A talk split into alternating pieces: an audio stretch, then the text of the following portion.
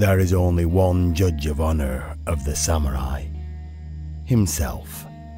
The decisions you make and the actions that follow are a reflection of who you truly are. You cannot hide from yourself.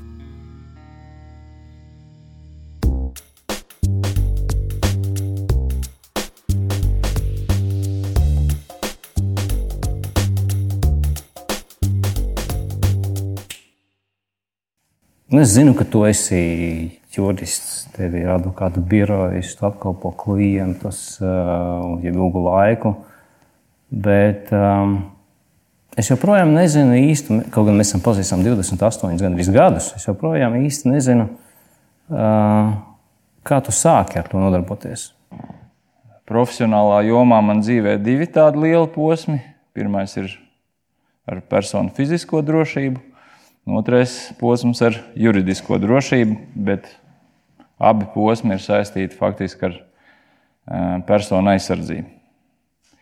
Un, nu jā, šis pirmais posms, pirmais posms manā dzīvē diezgan agri sākās.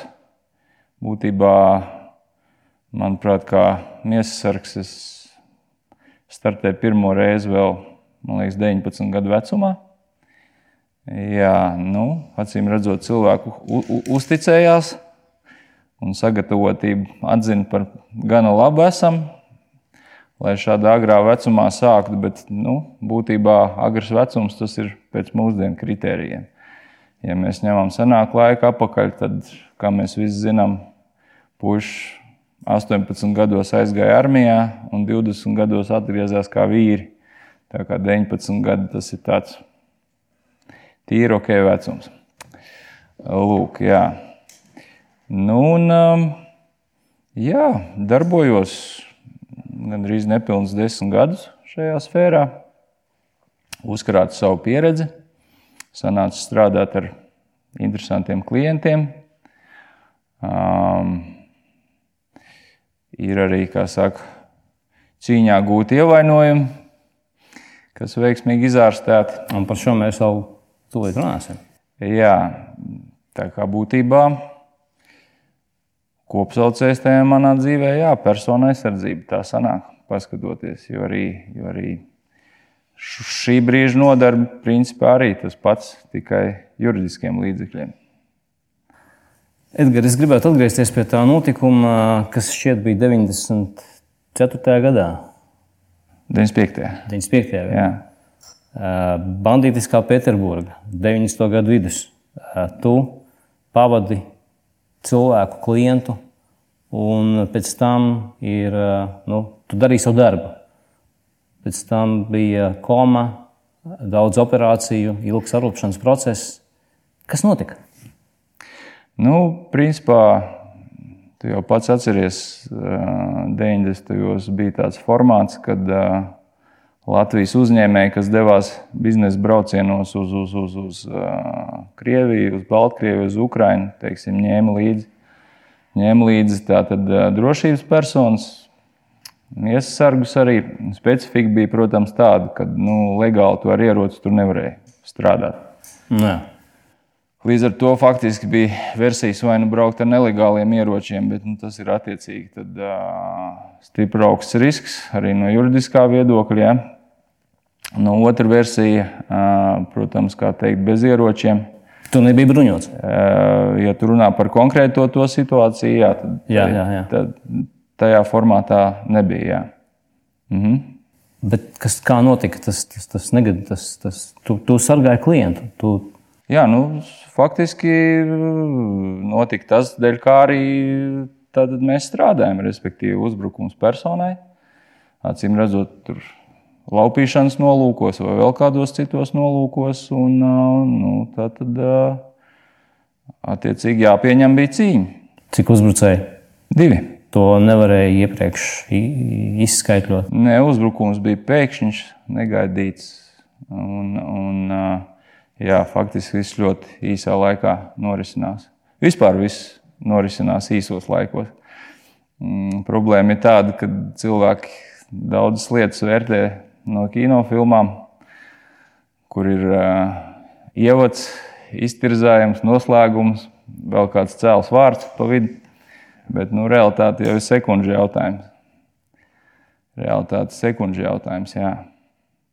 Nu, jā, tur bija strauji uzbrukums. Diemžēl uzreiz nebija redzams, ka viņi ir bruņoti ar augstiem ieročiem.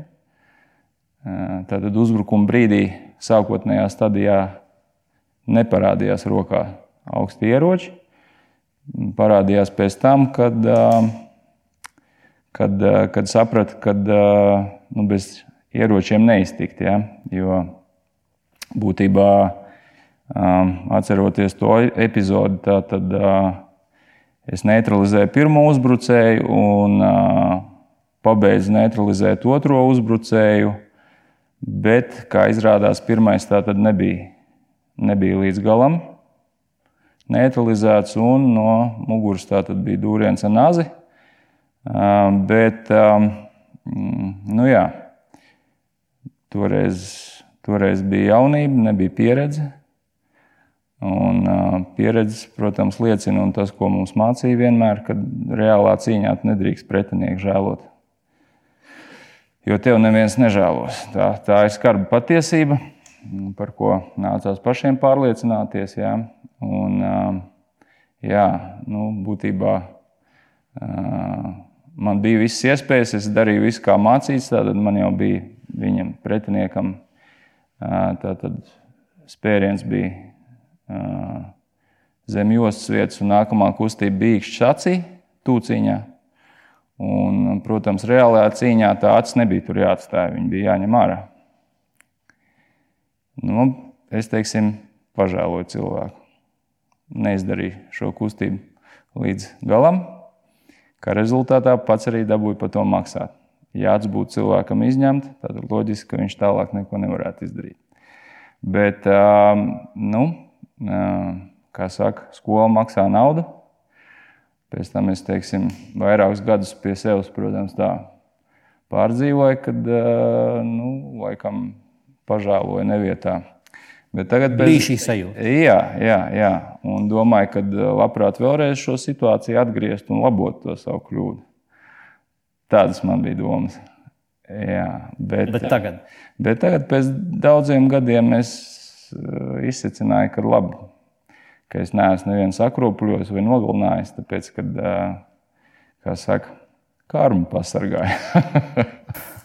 jā, nu, tas jau ir tāds jā, cits, cits droši vien jautājums. Uh, Saki, tu esi sargājis dažādas personas.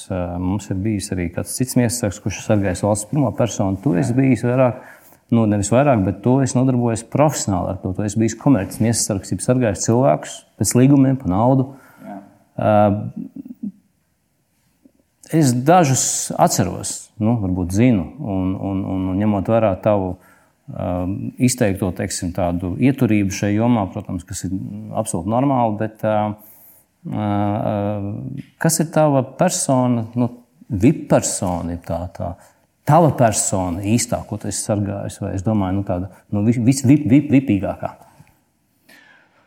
Nu, Vislabākais tips. Ir jau, ir jau, protams, nācies ar kaut kādām prominentiem sastapties. Nu, kā es pats teiksim, vērtēju, manuprāt, teiksim, tāds nopietnākais varētu būt lielā Lukoila boss, Vagiceļa Pierovs. Ja? Ja. Tā tad, nu, um, gudrs, gudrs cilvēks, gudrs vīrs. Jeļcinērā bija starp Krievijas top oligarhiem. Putinērā bija un joprojām ir starp Krievijas Putina oligarhiem. Tātad atšķirībā no daudziem citiem, tā skaitā viņa kolēģiem naftas nozarē, piemēram, Hadarkovsku un tā tālāk. Lūk, jā, nu, tad uh, bija pieslēgts atbalsta komandai, tad, kad viņš ieradās šeit, Latvijā. Būtībā viņi ieradās paši savu privāto lidmašīnu, savu apsardzes komandu. Bruņoti? Uh, nu jā, tagad laiciņš ir pagājis krietni, droši vien jā, var teikt, jā, bruņot. Protams, nebija, nebija tas oficiāli, jā. Bet tur faktiski bijušā Krievijas pēcvienības vimpela cilvēki ar viņu darbojās. Nu, atvaļinātie, bet nu, profesionāļi augstākās klases. Un tā kā bija, bija, iespēja, bija iespēja un tas gods drusciņi teiksim, sadarboties ar šādiem cilvēkiem arī. Tu vērtēji tos cilvēkus, ar kuriem tu strādā? Nu, jāsaka tā, tagad pēc gadiem jau vēl vairāk to vērtē nekā uz, uzreiz, vai ne? Uzreiz pasūtījums ir pasūtījums, tev jādara. Jā, jā, jā. Kas, ir, kas ir no tā, no tiem klientiem? Labi, tas būtu viens Lukoils boss, ko tu esi sargājis. Ehm, droši vien tev ir bijušas arī kādas citas nu, konflikta situācijas. Nu, es, es pieņemu, vismaz vienu laikam, es tu ieskicēji, ka ir viena bijusi. Nu, būtībā jau droši vien visi mēs esam saskārušies vairāk vai mazāk ar kaut kādām konflikta situācijām dzīvē. Jā. Mm, tāpēc arī studiju laikā, ņemot vērā to manu nodarbošanās specifiku, um, man interesēja tāda tēma kā konfliktoloģija, gan filozofiskā aspektā, gan arī tiesību aspektā. Un tāpēc maģistra darba tēmu es izvēlējos juridiskā fakultātē tieši šo te konfliktoloģijas tēmu. Jā, tas jau tāds interesants temats ir gan teorētisks, gan praktisks. Jā.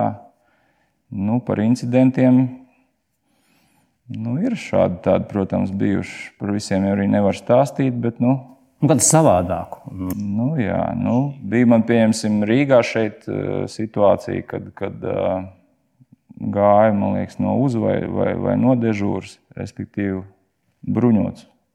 Bija, bet, protams, slēptā veidā ieroči. Un, un, un, un esplanādē pie, pie Raņa pieminiekļa man divi zeki uzrunāja, kad tikko esot izlaisti, kad galīgi nesot naudas, kad nu, vajadzētu viņiem izlīdzēt ar naudas lietām. Jā.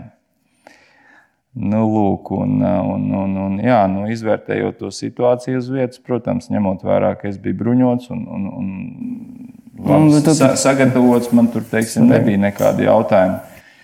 E, it kā izvēlēties kaut kādu agresīvāku konflikta risināšanas metodi, bet nu, es toreiz nolēmu, ka uh, es viņiem iedošu naudu. Nedaudz, nedaudz, teiksim, tā simboliski, bet iedošu Pietiktu? Nu, Drusciņi vairāk, bet, bet uh, Latvijas teiksmē vēl tas toreiz bija. Ah, nu, Lati. jā, jā, jā. Nu, un, protams, es teicu, ka kad, kad, nu, vairāk, vairāk es viņiem nedošu, un vairāk arī, viņi neprasa savādāk, es sadusmošos, un, un, un, un, un tad nebūs labi. Un, um, nu, viņi tā kā, kā arī saprata un diezgan miermīlīgi aizgāja. Un pēc tam es domāju, ka um, man tā vietā, lai, lai saķertos ar viņiem un, un, un, un, un risinātu kaut kādā agresīvā veidā šo situāciju, es būtībā ļoti ātri un mierīgi un, un, un palēto to arī atrisināju. Ja? Jo, jo runājot par, par šādām situācijām, mēs jau nekad nezinām, kas tie ir par cilvēkiem, kādi kā viņi paši ir sagatavoti, jā, par ko viņi paši ir sēdējuši, kā saka. Jā. Vai viņiem ir līdzi ieroči, nav līdzi ieroči, augsti ieroči, šaujami ieroči, vai viņi ir divi tā tikai, vai viņiem vēl kāds līdzinātājs. Jā, tas viss ir iespējams. Un līdz ar to šā, šā, šādā situācijā, teiksim, ja tu vari pa mierīgo tikt no situācijas ārā, tad tas ir arī jādara. Ja? teiksim, vicināties ar rokām, kājām vai pistolēm pie Raņa pieminiekļa blakus ģenerāla prokuratūrai. Tas, tas nebūtu labākais variants. Es nepiedalītos. es nepiedalītos. Tas nebūtu labākais variants. Jā. Edgars, šķiet, ka 20. gadsimta vidū, nu, tu man droši vien varēsi palabot, bet pētnieki, tad, kad es, es, tad, kad es pētīju konfliktus, nāca pie secinājuma, ka konfliktu pasaulē ir kļuvis tik daudz ka tā nav nekāda, nu, tas nav nenormāli, konflikts ir normāla parādība. Ko tu domā par to? Jā, nu, tā, tā arī konflikta teorija saka, protams. protams Tās teorijas ir dažādas. Viena, protams, uzskata, ka konflikta nav norma un ka tā ir anomālija un ka viņas nebūtu jāpieļauj. Bet, bet ir atkal cita teorija, kas saka pretēji. Principā to konfliktu teoriju viens no pamatlicējiem ir Georgs Zimels, vācu sociologs. Un būtībā tur tā doma ir tāda, ka konflikts ir būtībā dabiska lieta. Konflikts kā jēdziens, viņš tulkojās kā interešu sadursme. Jā. Un būtībā lielāks vai mazāks konflikts jau mēs katrs piedzīvojam ikdienā daudzas reizes. Jā, interešu sadursmes. Un, no, un tie var būt no strīdiem virtuvē līdz pasaules karam. Tas viss ir teiksim, konflikti. Jā. Un, ja mēs runājam par tiesībām, tad būtībā tiesību sistēma jau ir izstrādāta tā iemesla dēļ, lai, lai teiksim, sabiedrībā tiktu efektīvi noregulēti konflikti. Un, šīs sadursmes, interešu. Jā, šīs sadursmes un būtībā um, mūsdienās, uh, un arī visos tas laikos bijis, kad uh, valstī ir monopols par konfliktu risināšanu.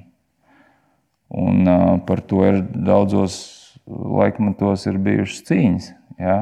Un arī mēs esam piedzīvojuši šajos pašos 90. bandītiskajos, par ko ir sākumā bija stāsts. Jā. Būtībā sabruka viena sabiedriskā iekārta PSRS, jā, un jaunās valsts vēl tikai veidojās.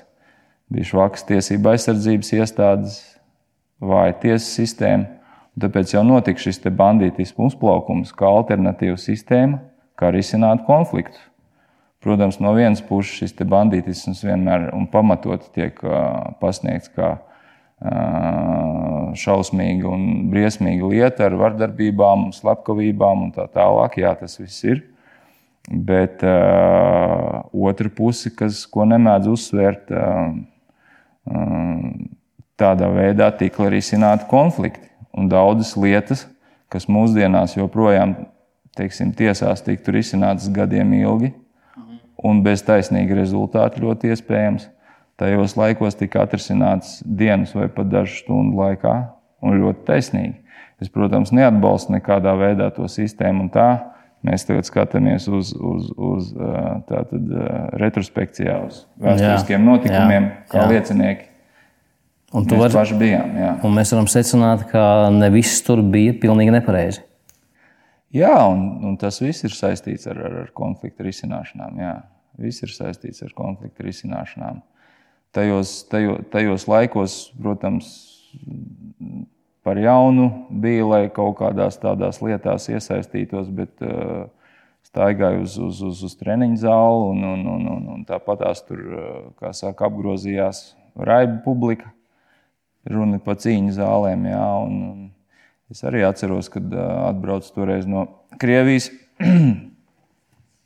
Pēc tās diezgan ilgstošās ārstēšanas, tad, tad, tad pienāca man, pienāca man sporta zālē klāt viens no tā laika saka, vietējām autoritātēm.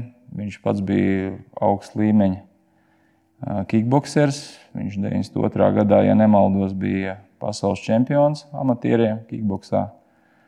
Nu, viņš tā teica, viņš teica, nu, tur redzi, varbūt cik stiprs būt. Gribi, jā, bet eh, pret nazu un pistoli tāpat neko neizdarīs. Nu, viņš saka, bet tu malacis izdzīvoji par vienu sistu, trīs nesistus dod. Slavu gāja tev pa priekšu. Cik nu slavu, bet, protams, informācija, jā. Un, eh, nu jā. Bet, nu jā, tajā incidentā galvenais klients necieta. Mērķis sasniegts, mission completed.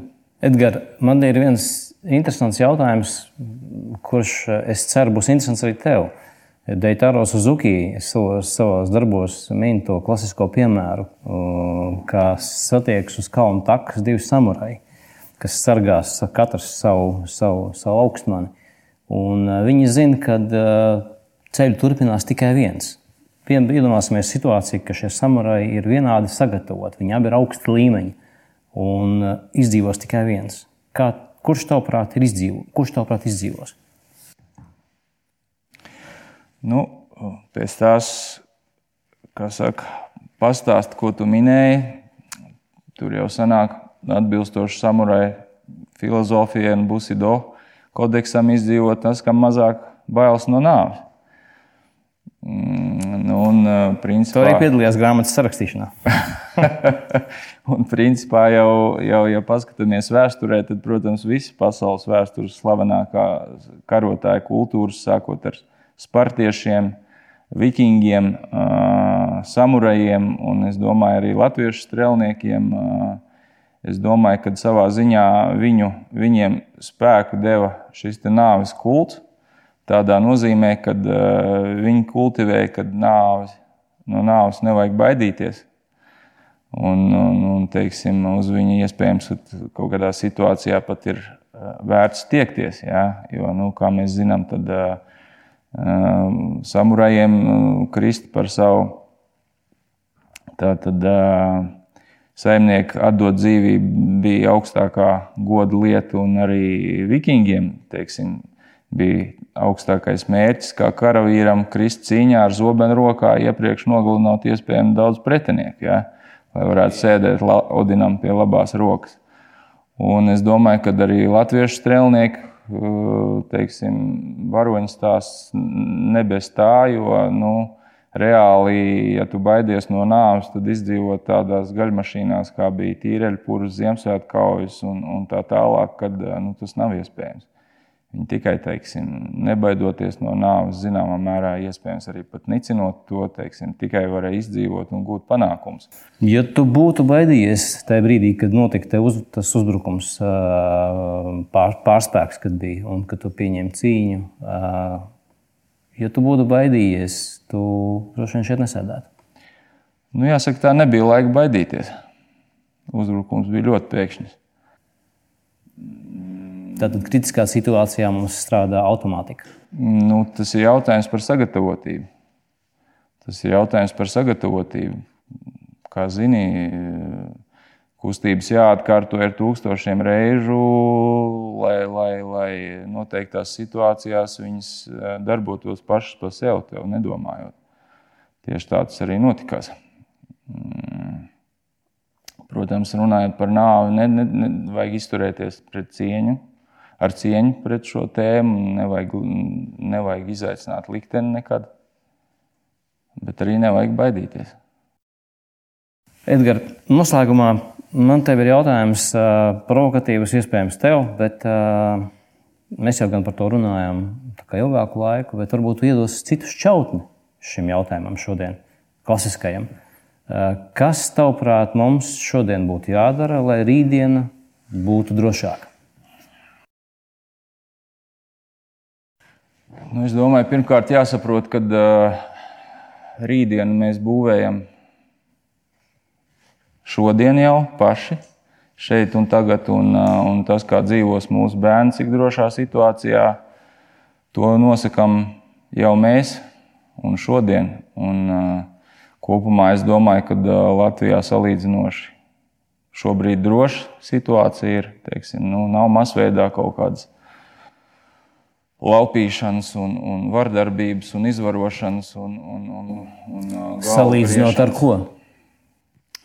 Nu, mēs skatāmies pēdējos notikumus, kas, kas notiekās mūsu saka, miermīlīgajā, pārtikušajā Rietumē, Eiropā, jā, kur, kur, kur faktiski iestājušās likumsakarīgas sekas šai imigrācijas politikai, kas no 2015. gada tika eskalēta, jā, kad būtībā salaiž iekšā acīm redzami teiksim, lielu skaitu nekontrolētu, agresīvas kultūras pārstāvju kaujas spējīgā vecumā. Jā, kaujas spējīgā vecumā jā, kas nav maznozīmīgi. Jā, un, un pēc tam brīnās, kad cilvēks sāk durt uz ielām, nost, šaut nost, griezt galvas nost, braukt ar kravas automašīnām, triekties pūlī. Jūs uz ko cerējāt? Ka viņi miermīlīgi staigās apkārt un, un, un, un, un smaidīs stulbi un, un baidīsies izteikt kādu skarbāku vārdu Tā kā šobrīd, cik es saprotu, Rietumē Eiropā tolerances ietvaros ir stipri pieņemts. Es domāju, ka ar to rēķināties ir diezgan muļķīgi. mums tādā ziņā ir paveicies, ka Latvija ir nabadzīga valsts ar augstu klimatu, un šeit neviens negrib braukt un palikt.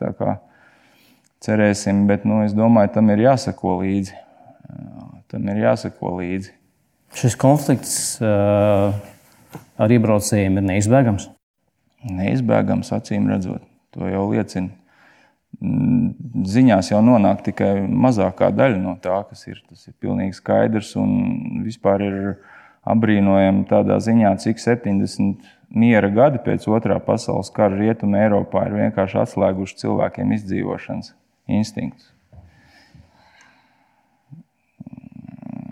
Tā kā tam ir jāsako līdzi un jāsako, par ko politiķi balso un kādu dienas kārtību nosaka. Tas ir gan par šodienu, gan par mūsu bērnu rītdienu un par drošību. Edgars, paldies tev par atklātu sarunu. Tādu mums, tādu mums ir bijis maz. Paldies! Tev.